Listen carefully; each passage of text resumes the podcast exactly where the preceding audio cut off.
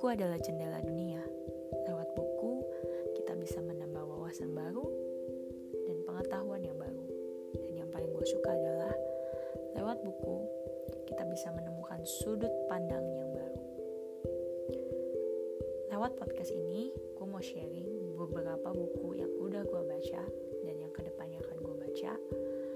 Dan gue akan review untuk kalian apakah buku yang gue baca ini worth it untuk kalian. So, check it out. Baca buku dong makanya.